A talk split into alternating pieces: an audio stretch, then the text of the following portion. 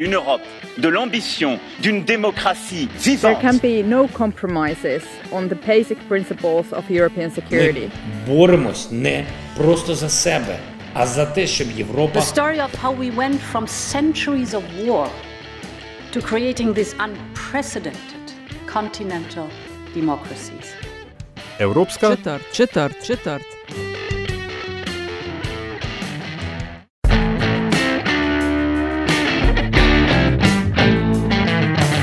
Spoštovane in cenjeni, dobrodošli v podkastu Evropska četrt, podcast o vsem, kar vas bo zanimalo o Evropski uniji, pa niste vedeli, koga vprašati. Evropsko četrt vodiva Nataša Briški in Aljaš Pengal Bitens. Podcast domuje na spletni postaji metinalista.si, v vašem nabiralniku pa sveža epizoda takoj, ko je na voljo. V tokratni epizodi, ki nosi številko 113, se bomo z gostom pogovarjali o stanju na področju pravic skupnosti LGBTIQ v Sloveniji, kaj je bilo že doseženega, kaj ostaja in kako stojimo znotraj EU, kar se tiče teh pravic, kaj so trenutno najbolj žgoča vprašanja v skupnosti, kaj aktiviste in aktivistke najbolj zaposluje, pa nasilje v šolah, eh, porast nacionalizma in populizma po svetu in vpliv na pravice te skupnosti, ter neokonzervativni backlash.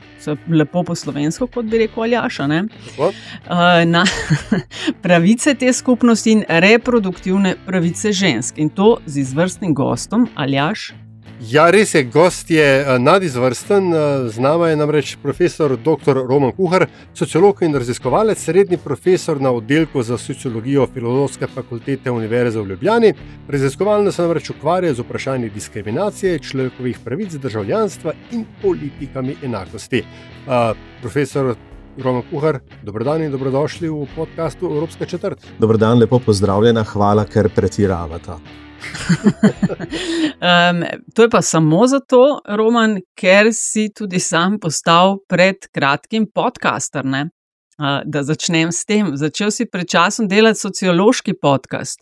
A bo v tem podkastu tudi prostor za teme, o katerih bomo, da rečem, ki jih bomo naslovili v Evropski četrti? Ja, res je, v okviru slovenskega sociološkega društva smo se odločili, da je mogoče čas, da iz 20. stoletja stopimo v 21. stoletje um, in se pridružimo številnim, ki zdaj snemajo podkaste.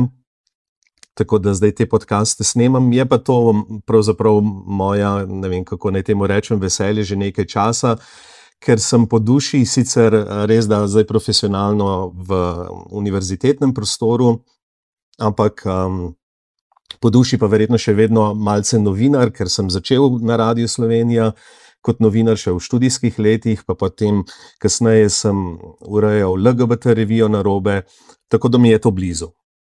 In se pozna, da imaš radijsko šolo, če lahko še to dodam.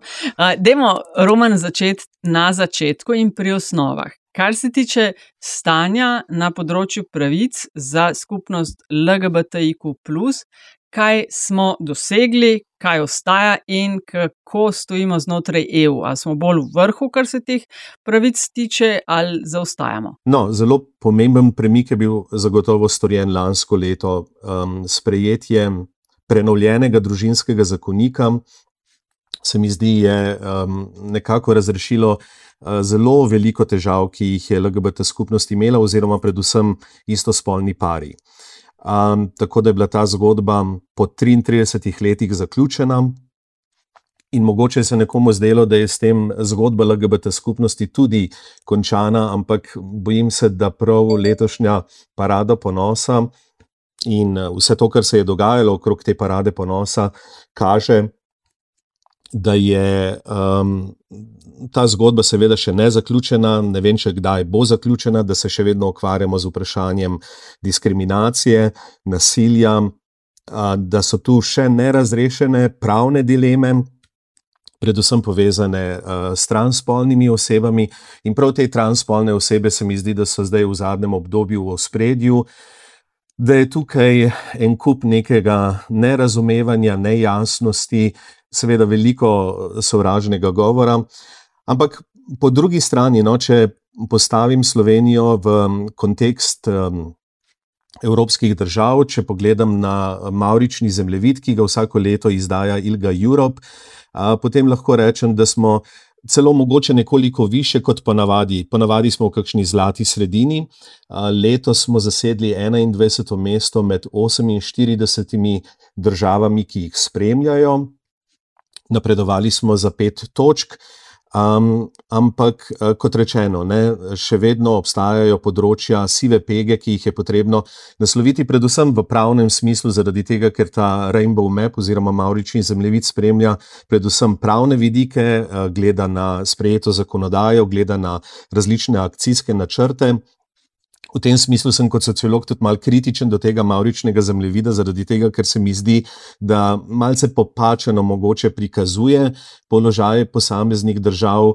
Seveda je pomembno, če imamo sprejete akcijske načrte, seveda je pomembno, da imamo dobro zakonodajo, pomembno je pa seveda tudi, kako um, LGBT osebe živijo v vsakdanjem življenju v neki družbi.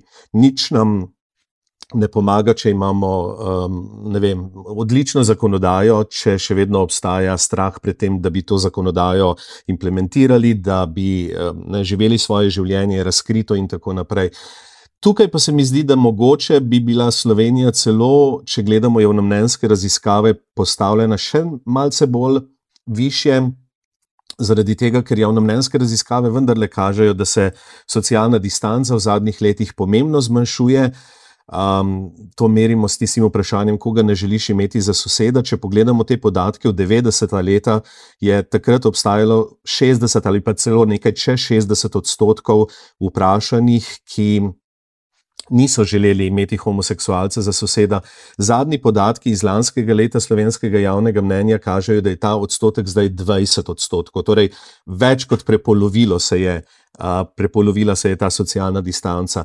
Hkrati vse čas narašča tudi podpora istospolnim porokam, nekaj čez 70 odstotkov zdaj to podpira, to pravico podpira, se z njo strinjam.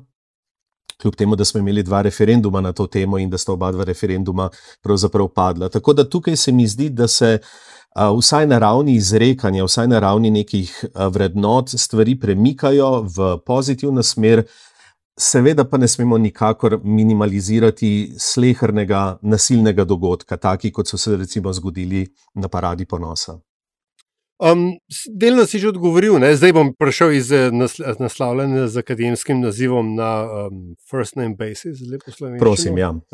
Um, omenil si že, ne, da so pač eh, na, na tem Mauričnem zemljevidu, oziroma teh lestvicah, da se je Slovenija uh, premaknila na vzgor. Pa me zanima, ker je to moje opažanje na nekih drugih ne, podobnih stvareh, ki merki ocenjujejo druga področja um, družb, evropskih, predvsem. Ali je šla Slovenija toliko gor, ali se je situacija tako poslabšala, da je ta, ta skok relativno višji kot recimo v dejanskem napredku? Ja, dobro vprašanje. Jaz mislim, da to prvo vendarle, zaradi tega, ker se situacija v drugih državah ni tako radikalno poslabšala, da bi zaradi tega Slovenija bila boljša. Je pa res potrebno ob tem upozoriti, da je Ilga Europe letos um, 17. maja ko praznujemo ta mednarodni dan boja proti homofobiji, transfobiji, bifobiji in tako naprej, opozorila, da se je nivo človekovih pravic LGBT skupnosti v Evropi prvič, odkar oni spremljajo to dogajanje, zmanjšal. Torej, da se je. Ta stopnja uh, sovražnega govora, um, nasilja, napadov, uh, diskriminacije uh, tudi pravzaprav sprejemanja zakonodaje ali pa poskusov sprejemanja zakonodaje, ki bi omejila pravice LGBT skupnosti, ki jih je ta skupnost že dosegla in že uživala, um, da se je to torej prvič zgodilo. Tako da um, mogoče v nekem daljšem časovnem obdobju, upam, da ne, no, ampak mogoče bomo lahko govorili prav o nekem takem um, trendu. Ampak če pogledamo, kaj se dogaja recimo na Mačarskem, če pogledamo njihov poskus referenduma o tisti referendum o, o govoru o LGBT temah, pa katere knjige so lahko v knjižnici dostopne, in tako naprej. Ne, to je recimo bil en tak a, poskus. Pa moram priznati, da včeraj me je precej šokirala novica, ki sem jo prebral iz Italije. Ker je sodišče v Padovi zahtevalo od, mislim, da nekaj čez 30 družin, ki imajo v rojstnem listu otroci upisanega biološkega starša, ponavadi mamo, in, eh, torej, mamo, ja, seveda, in drugega socialnega starša, ponavadi druga mama, je to sodišče zahtevalo, da se ta socialni starš iz te dokumentacije izbriše in se bodi si nadomesti z biološkim staršem ali pa napiše, da je oče neznan. To so zaskrbljujoči trendi. To um, ima verjetno kaj opraviti z kot merijo in kažejo analize, porastom nacionalizma in populizma po svetu. Mislim, da si tudi ti v vlogi raziskovalca, profesorja na filozofski fakulteti delal raziskave v tej smeri. Ta eh, neokonzervativni, kot sem na začetku rekla, backlash, da ko se zdi, da so že neke stvari dosežene, je se pojav, začenja pojavljati neka regresija. Ja, zelo veliko krat rečemo, da nobena pravica ni pridobljena zavedno in to se mogoče sliši tako zlajnano, pa ne verjamemo čist dobro temu, ne, ker imamo občutek, da vendarle naša družba nekako napreduje, ne, da, da smo kako že v vsakem pogledu, uh, vsak, vsak dan, dan boljši in, in tako naprej. Uh, ampak bojim se, da um, ravno ta neokonzervativna gibanja in pravzaprav uspeh teh neokonzervativnih gibanj a, potrjuje to, da dejansko nobena pravica ni izbojevana zavedno. Um, ta neokonzervativna gibanja so gibanja, ki se zdaj nekako povezujejo okrog uh, vprašanja tako imenovane. Ideologije spola, oziroma v nekaterih državah govorijo o teoriji spola, v Franciji govorijo o teoriji spola, v Sloveniji govorimo o teoriji spola. Uh, Je pa to v osnovi nek prazni označevalec, ne, v katerega je možno naložiti najrazličnejša vprašanja, naj, najrazličnejše teme, in um, ta um, prazni označevalec temelji pravzaprav na nekih principih teorije zarote. Gre za širjenje informacije ali pa trditve. Da obstaja nek skrivni načrt radikalnih feministk in radikalnega LGBT gibanja, ki vodi v neko postspolno družbo, gre za nek načrt neke nove, tokrat kulturne marksistične revolucije. Ta kulturni marksizem, ki je ravno tako prazni označevalec, se pogosto povezuje s tem, predvsem v vzhodnoevropskih državah. In seveda se ta označevalec uporablja strateško, ker se ne vzpostavlja nek ne, nelagoden spomin na prejšnji politični sistem, na razmere v tistem času. Tisto, kar je značilno za ta neokonzervativna gibanja, je, da so v marsičem pravzaprav apropriirala um, koncepte in orodja, ki jih je feminizem pa LGBT gibanje uporabljalo. Človekove pravice, svoboda govora, um, zelo spretni so na socialnih omrežjih. Mislim, da je uspeh teh gibanj v marsičem treba pripisati. Um, prav temu pojavu socialnih omrežij in temu um, megafonu, ki ga je s tem pravzaprav mhm. slehrnik dobil. Vsak od nas ne zdaj lahko ima svoje stališče uh, in ga zelo glasno sporoča preko teh omrežij. In tisto, kar se uh, zgodi, je, da je eno tako mnenje popolnoma izenačeno z mogoče neko uh, znanstveno raziskavo ali pa z nekim strokovnim stališčem. Tukaj zdaj ni pravzaprav več uh, razlike. Ni razlike med uh, zdravnikom in FB zdravnikom. Ne? Um, zdaj, ne, ne vem, verjetno nimamo časa, da grem v podrobnosti, od, odkot izvira to anti-gender gibanje, ampak v osnovi, samo če v dveh stavkih poskušam pojasniti, se to gibanje nekako začne že v 90-ih letih, ampak takrat ga pravzaprav nismo opazili znotraj rimsko-katoliške cerkve. In to po dveh eh, konferencah Združenih narodov, leta 1994 in leta 1995, to je bil čas, ko je v um, uradnih dokumentih Združenih narodov začela beseda gender, ki jo v slovenščino prevajamo kot družbeni spol, um, nadomeščati besedo seks, ki jo v slovenščini prevajamo kot biološki spol. Mi pravzaprav ne imamo težavo, da nimamo dveh izrazov, ki bi ločili to, kar v angleškem jeziku ločimo za seks in gender. Takrat je seveda feministično gibanje um, um, se zauzemalo za to, da se ne govori o bioloških razlikah med spoloma, ker te biološke razlike niso razlog za, ali pa ne bi smele biti razlog za diskriminacijo. Ni torej težava v tem, da smo ljudje enega ali drugega spola, težava je v um, kulturnih vzorcih, družbenih normah, ki jih pripisujemo enemu in drugemu spolu zaradi spola samega. Ne? Torej, problem so družbena pričakovanja, družbene vloge moškega in ženske, ne pa biološke razlike med moškim in žensko. No, in tukaj sta zdaj trčila dva koncepta. Ta feministični koncept, ki je zagovarjal politiko enakih pravic, ne glede na spol, oziroma ne glede na katere koli osebne okoliščine. To politiko ali pa to Ta pristop imamo recimo v slovenski ustavi zapisan v 14. členu, ne, kjer piše, da smo vsi pred zakonom enaki, ne glede na spol, religijo in tako naprej, in druge osebne okoliščine. Um, Vatikan in nekatere bolj konzervativne države pa so um, zagovarjale koncept komplementarnosti spolov, kar pomeni, da sicer in moški in ženska si zaslužite enako spoštovanje, ampak zaradi bioloških razlik jima pripadajo tudi različne vloge v družbi. In to zelo preprosto povedano pomeni, da ženske spadajo predvsem v zasebni prostor, družino, vzgojo otrok, moški pa v javni prostor, poznamo to zgodbo. Ta koncept je bil poražen v Združenih narodih in v teh uradnih dokumentih, kasneje tudi dokumentih Evropske unije. In tukaj je pravzaprav zaneten ta ogen, kjer je Vatikan in sorodne, um, sorodni predstavniki v Združenih narodih to takrat razumel kot diplomatski uh, poraz. In začeli so zelo malo takrat, potem začnejo v intelektualnih njihovih krogih razprave o tem, kaj ta ne, družbeni spol pravzaprav pomeni, kam to lahko vodi. In iz tega potem nastane, jaz mislim, da to ni bilo sicer tako ne, zelo, kako naj temu rečem, načrtovano, ampak um, iz tega pride potem do te popularizacije ideje, da obstaja neka ideologija spola, da nam bodo menjali spol in vse te traparije, ki jih zdaj poslušamo. Ampak hudiča ne te stvari imajo zelo velik mobilizacijski potencial. Imajo pa zelo velik mobilizacijski potencial, ki so v osnovi utemeljene na strahu.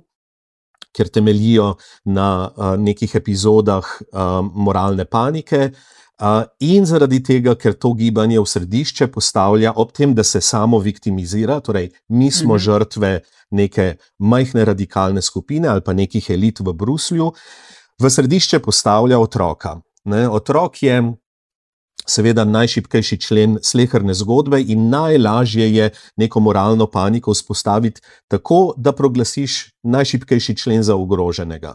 To, da smo v Sloveniji imeli in še vedno imamo zelo aktivno gibanje za otroke, gre ta naziv ni slučajen. Ne, to je zelo, premišljen, zelo premišljeno ime. Ampak v resnici gre vedno za otroke. Ne? Vsaka moralna panika v zgodovini se je um, pač osredinila, ne, osredotočila na otroke. Uh, won't somebody think of the children? Ne, so upili, ko, ko se je pojavil punk. Uh, uh, kaj, bo, kaj bo pa z otroci, ko so se pojavile, uh, mogoče smo mi še ravno dovolj stari, ne, ko so se pojavile te namizne igre, ne, veš, Dungeons and Dragons, uh, in tako dalje. Uh, cela ta uh, Stranger Things serija je bila osnovana ena sezona na tej moralni paniki. Ne? Kaj se pa ja. vendar tam dela? Uh, v končni fazi gre za, res, za moč, za, za to, gre za to, kdo ima v družbi moč, da odloča, kaj je prav in kaj je narobe. Ali so se ta razmerja moči v Sloveniji, uh, oziroma kdaj so se premaknila in, in kako smo tukaj zdaj. Kdo je v Sloveniji tisti, ki odloča, ne? kaj je prav in kaj je narobe? A kdo odloča? No, mi, mislim, um, je... načr, načrtno, ne, da ne bo nesporazuma, načrtno sem postavil takšno uh, vprašanje, ker tudi vpraša, bistvo je tudi v tem, kako mi ta vprašanje postavljamo. Ja, um, težko odgovorim na vprašanje, kdo odloča, lahko pa govorim o tem, kdo poskuša zasesti to pozicijo odločanja. Ne? In tukaj so ta neokonzervativna gibanja um, zagotovo uh, eden od pretendentov za, za to mesto. Zdaj, v ozadju tega so um, pogosto ne samo rimsko-katoliška crkva, ampak zdaj se je to razširilo tudi na, um, mislim, pred kratkim sem bil v Beogradu. Ko, poslu, ko gledaš tam njihovo televizijo, je to kot ponovitev zgodbe, ki smo jo mi imeli pred uh, nekaj leti okrog družinskega zakonika. Pa je seveda tam druga crkva uh, vključena.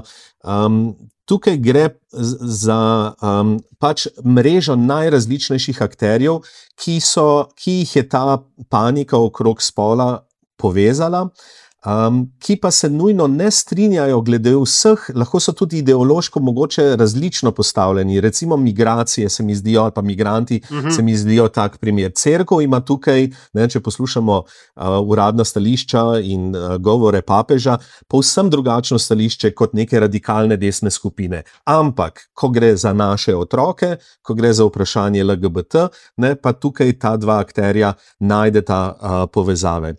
Tukaj um, Mogoče bi omenil um, eno raziskavo um, Nila Data, ki je um, poskušal, to je sicer zelo težko, um, nekako poiskati vire financiranja teh mrež. Uh, Anti-gender gibanj ugotavlja, da je bilo v zadnjih desetih letih porabljeno nekaj čez 700 milijonov dolarjev, um, pa temu reče, da je to samo vrh ledene gore, tako se tudi to njegovo poročilo, ki ga je možno na spletu najti, uh, imenuje.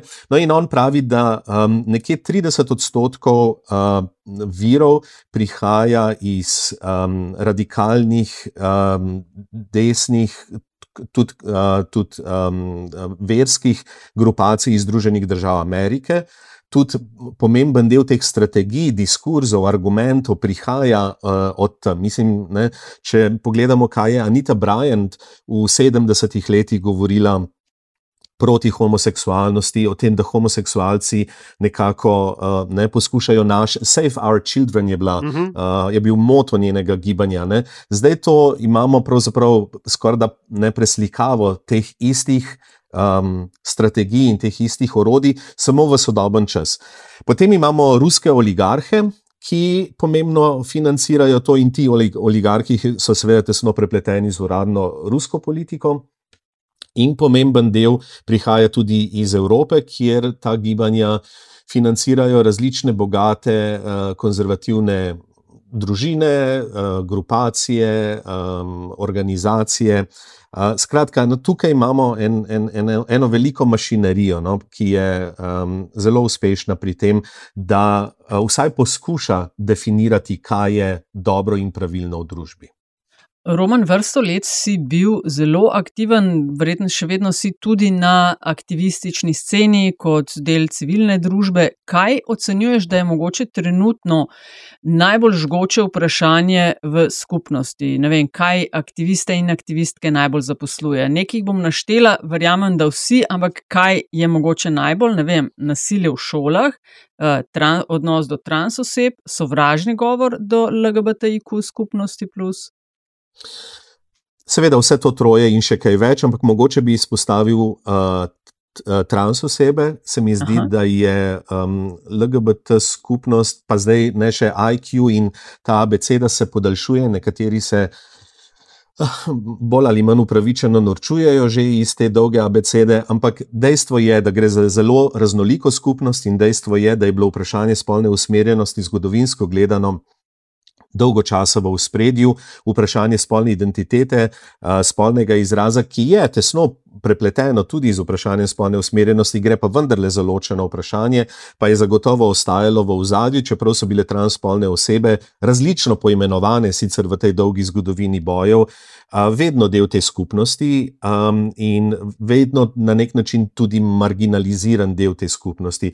Se mi zdi, da je ta, um, to vprašanje zdaj prav po koncu urejanja uh, pravnega položaja istospolnih um, partnerstv in družin. Mimo grede, Estonija je ravno uh, včeraj ne, sprejela zakon in je zdaj druga vzhodnoevropska država, takoj za Slovenijo, ki je sprejela to zakonodajo. Zdaj se mi zdi, da se prostor, političen prostor, odpira tudi za vprašanje transspolne skupnosti, in na nek način se nam zgodovina ponavlja. Tisto, kar se zdaj ta transspolna skupnost bori, je nek poskus demedikalizacije. Podobno kot je, um, ne, so se geji in lezbike v 70-ih, 60-ih in prej tudi morali najprej boriti s to medicinsko um, ne, opredelitvijo duševne motnje.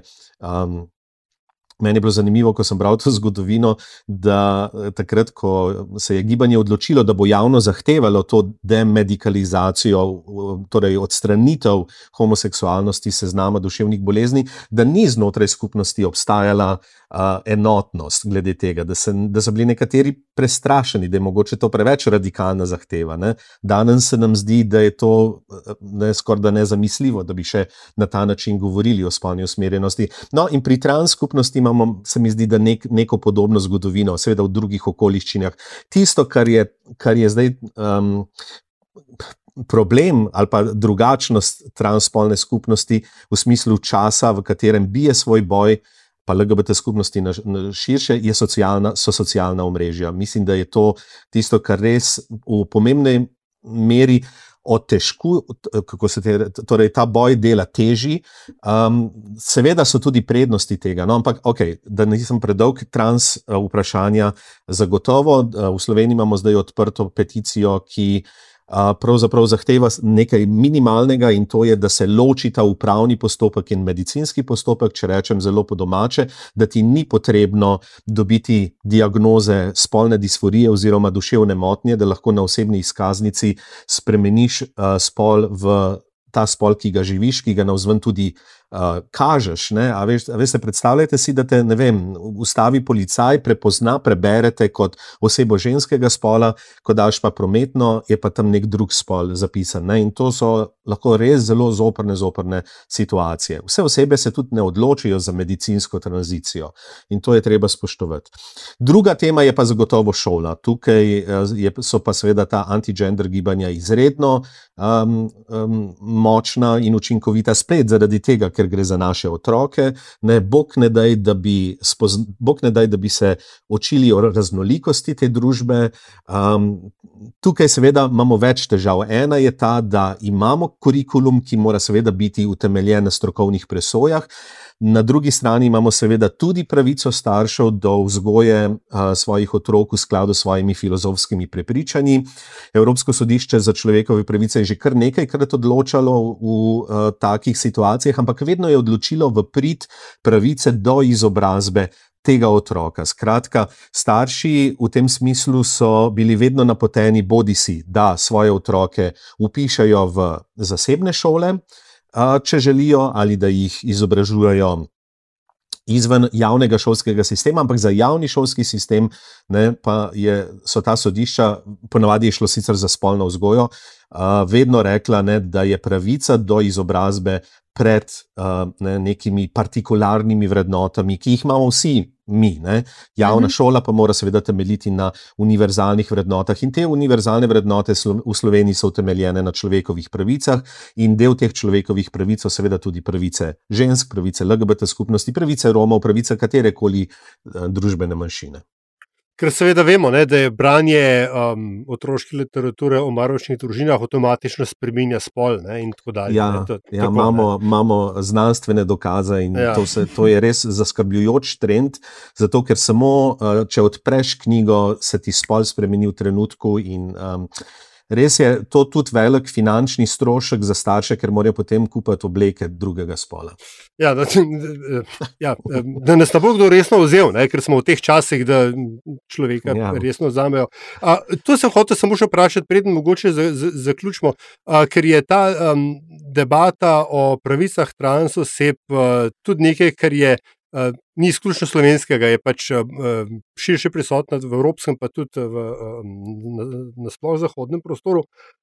Po tvoji oceni, Roman, a je možno sploh pohitriti um, proces zavedanja in sprejemanja uh, transoseb kot uh, posebno polnomočenih članov? Um, Članic družbe. Um, ne, ta LG, del uh, um, LGBT-ja je šel uh, primarno skozi nekakšne skozi ne štiri faze. Ne? Najprej je bilo, kaj to sploh je, potem je bil haha, potem je bil niti podrazno, zdaj smo pa na točki, kjer ne, večinsko družba reče, ja, seveda, absolutno, ne, pač uh -huh, člani uh -huh. družbe. Ali, ali trans osebe se lahko nadejajo k čim hitrejšemu uh, procesu? Oziroma, v kateri fazi smo ali kaj?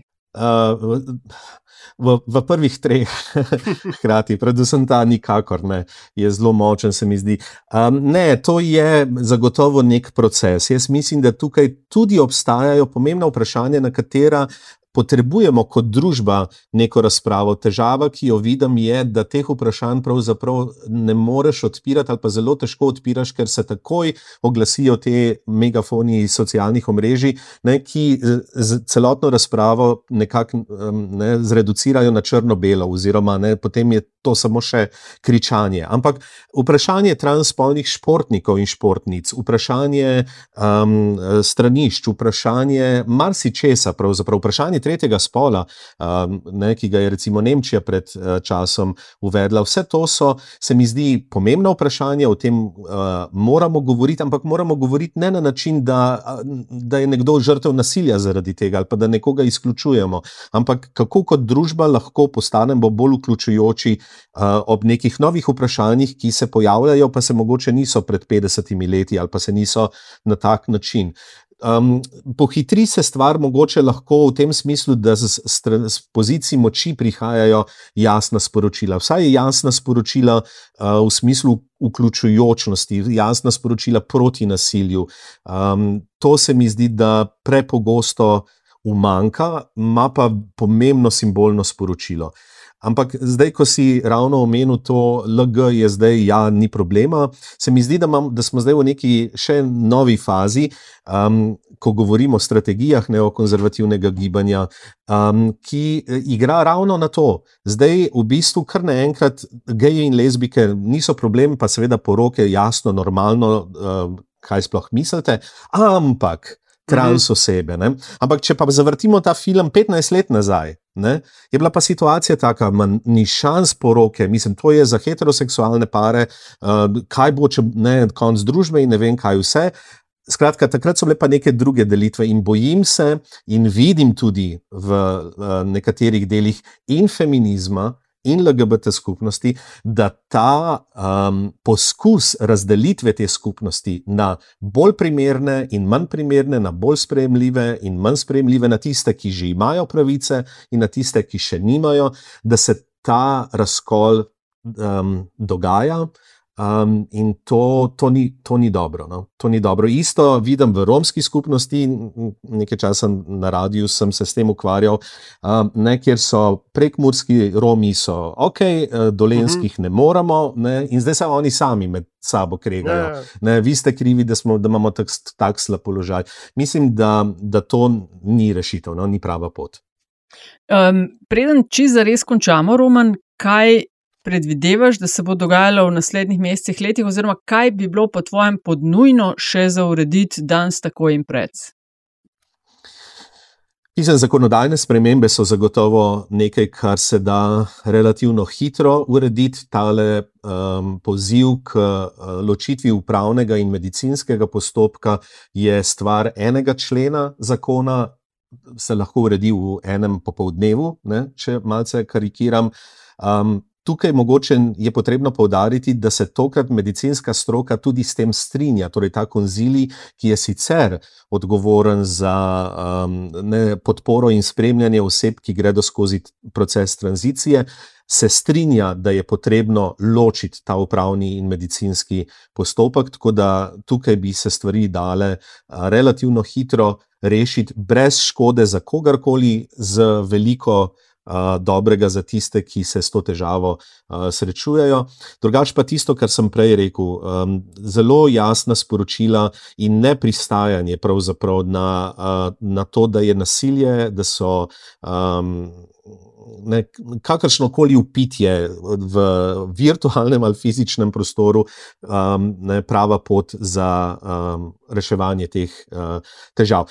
Želel bi si, pa je zelo težko imeti nek miren prostor, kjer bi se lahko o teh vprašanjih pogovarjali tako, da se nihče ne počuti izključen, pa da pridemo do nekih uh, pomembnih um, rešitev. Ker se mi zdi, da tudi na področju in recimo reproduktivnih pravic žensk, uh, položaja žensk, pa LG dela LGBT skupnosti, smo te razprave imeli in skozi, ob, skozi čas vidimo, vidim, kako, se je, kako so se te stvari um, na nek način prečistile, kako so se našle neke rešitve, neki dobri vzorci, ki jih je lahko bilo sprejeti in uh, ne, zdaj um, olajšujejo. Življenje, oziroma izenačujejo pozicije v družbi.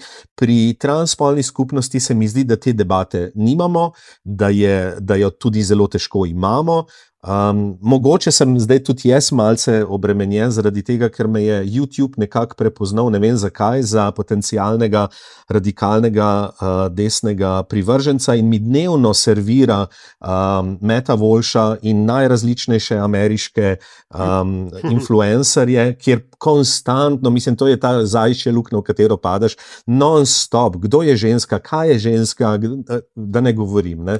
Skratka, to um, kakofonijo teh glasov bi bilo treba umiriti in se mirno pogovoriti.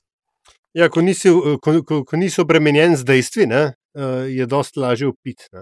Ja, ja. Uh, ampak, ja, kot si rekel, Roman, uh, bistvo je v tem, da se pogovarjamo in uh, mogoče skozi pogovor spoznamo, da si ne glede na vso različnost, ne, v resnici nismo tako, tako zelo različni.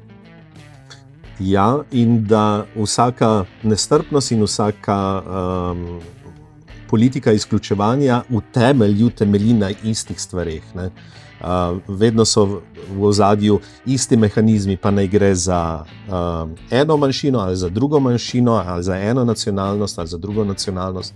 Vedno v ozadju je podoben mehanizem. No. Tako da se nas um, dotakne lahko kogarkoli izmed nas, to želim reči. Ne. Profesor dr. Roman Kuhar, najlepša hvala za gostovanje v podkastu Evropska četrt. Hvala za povabilo, me je veselilo.